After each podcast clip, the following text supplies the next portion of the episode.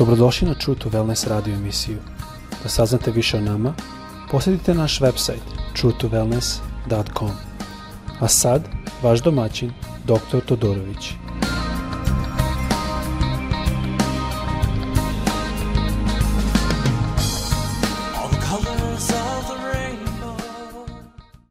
Ljubazni pozdravim vas iz Floride, odakle radim ovaj podcast.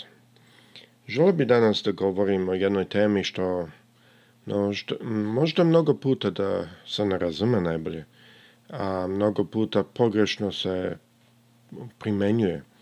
A, to je o kako možemo imati Hristov duh u našem životu i u našim brakovima. Želio bi da pročitam u prvoj Jovanovoj četvrta glava, sedmi i osmi stih – je Paul piše ovako. Voljeni moji, volimo jedan druge, jer ljubav dolazi od Boga. Svako ko voli, od Boga je rođen i poznaje Boga. Ko ne voli, nije poznao Boga, jer je Bog ljubav.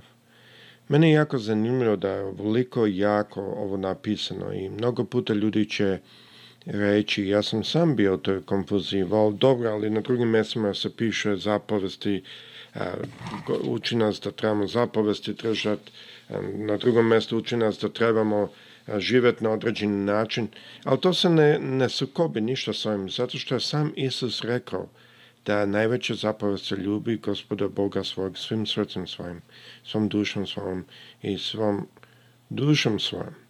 A druga zapovest kaže gospod je slično, a to je ljubiti jedan drugo kao samog sebe.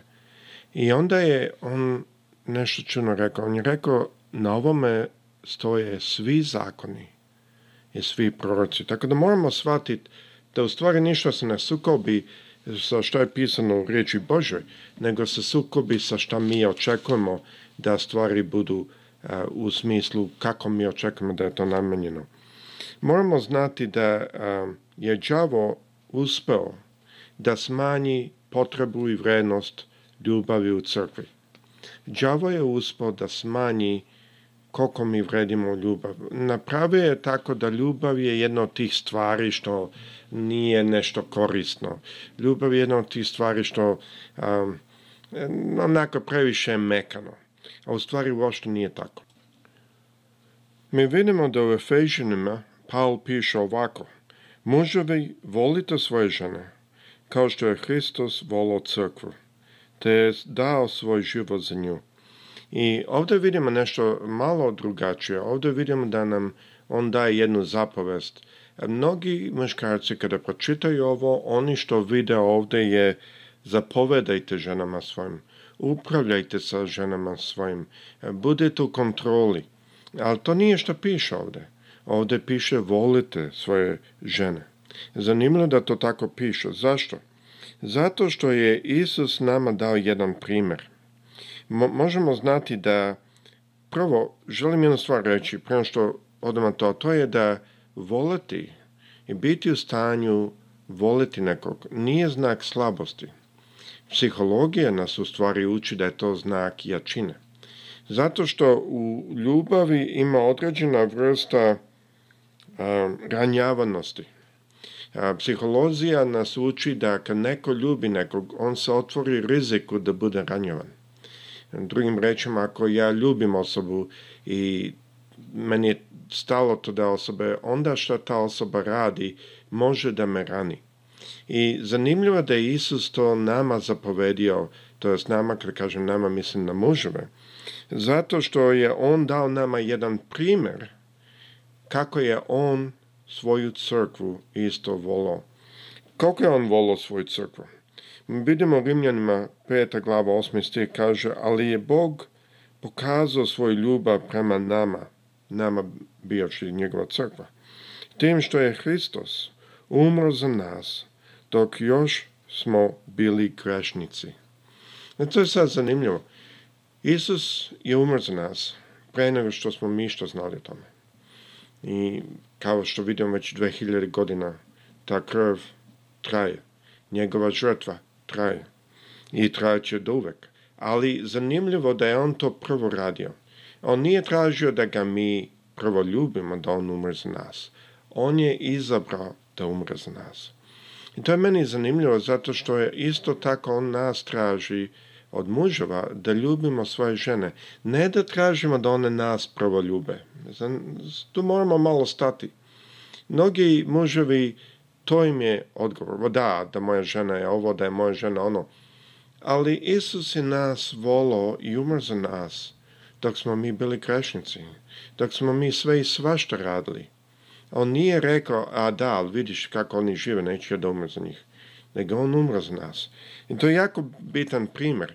Zato što taj primjer ne samo da nas uči jedan odnos, to je bračni odnos, to nas isto uči jedan karakter hrišćanski.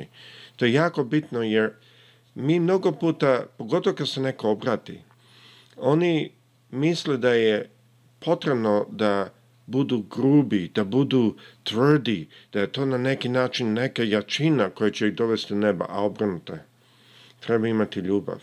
Vi znate u Mateju 25. glava da Isus kaže onima što su njemu na levoj strani, idite od mene. Zašto? Bio sam gladan, nisam mi dali ništa, bio sam žedan, nisam mi dali da pijem, bio sam bol, a, bolestan, niste me posetili. Psihologija nas uči da po tome zato što treba mnogo puta više snage da se otvori da mnogo puta u jednom odnosu treba jedna strana barem da se otvori tako da jedno povjerenje se izgradi. Jer da bi ljubav došla, čovjek mora bude da spreman da uzme taj rizik, da može biti ranjavan. I onda kada muškarac uzme to vreme da pokaže ljubav, ograničenu ljubav, ne bez, sa nekim kondicijama, i kada žena shvati da je ta ljubav tu mnogo puta, ne uvek, ali mnogo puta žena će uzvratiti ljubav. I ja vjerujem da je to razlog zašto je gospod postavio ovaj sistem. Ovaj sistem je jako slično, kao njegov sistem koji je bio ka nama njegovoj crkvi. Ali ne samo to, ima tu puno dublje. Mi moramo shvatiti da mnogo puta ljudi koji se obrate gledaju kako će da služe Bogu po tome kako će da žive ispravno, kako će ispravno da hodaju. I to jesu ciljevi što mi imamo, ali to je pogrešno se fokusiramo na te ciljeve i onda šta bude je mi se fokusiramo na sebe, na svoju snagu i svoju mogućnost. Šta je potrebno? Je sa ljubavi da se fokusiramo na Boga i da dozvolimo da njegov karakter nama raste ni kako smo mi bliži njemu, kako mi njega više ljubimo, kako mi želimo biti bliže gospodu, tako mi ne želimo činiti one stvari o kojima smo pričali. Tako da šta bude u ovom drugom slučaju, ne samo da se menja spoljašnost naša, kako mi živimo, kako se mi oblačimo i sve to, nego se to menja kao rezultat unutrašnje e, promjene. Dok u prvom načinu koji sam ja živao u prošlosti i koji mnogi od nas smo živjeli, da smo bili u legalizmu, e, šta bude je mi menjamo spoljašnost, o stvari unutrašnjo se ne menja. Nego mi živimo ispravno zato što trebamo ispravno živjeti. Na primjer, ja ne idem u kafanu zato što sam odrastao u crkvi. To mi je nešto što mi nikad nije bilo po nekoj prirodi. Ali Došao sam na taj stepen kad sam upoznao Boga bolje, da ne idem u kafanu zato što me ne privlači. Zato što znam da ja tamo nema ništa za mene. Zato što imam u sebi neku radost koju je već Bog dao, koja rastu meni. Meni ne treba piće, niti pijem piće, radi toga da bi dobio to. I to je što Bog želi da bude u našim brakovima.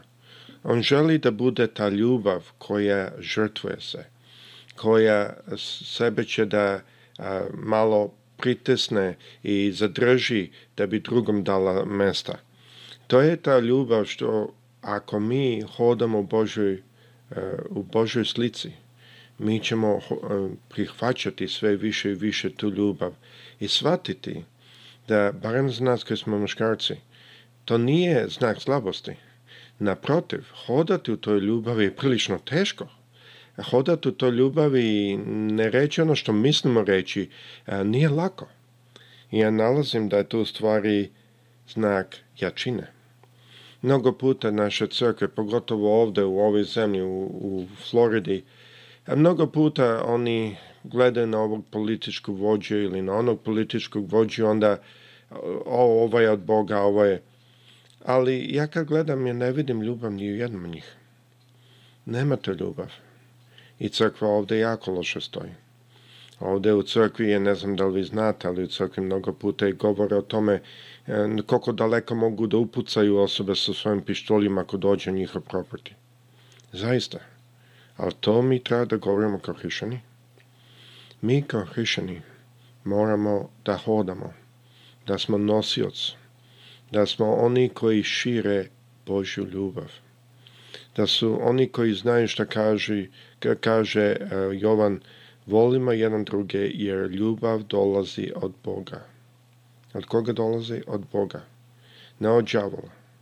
I mnogi u crkvama su polomili to, pokvarili da izgleda kao da je ljubav nešto loše. Ne, ljubav dolazi od Boga. Ne pričamo o slastima, ali slasti i ljubav nisu ista vošte. E, svako ko voli od Boga je rođen i poznaje Boga. Ko ne voli nije poznao Boga jer Bog je ljubav. To je, mislim da je jako bitno da stanemo za moment i da se pitamo da li smo mi ta ljubav što već Boža govori. Kao što se svima vama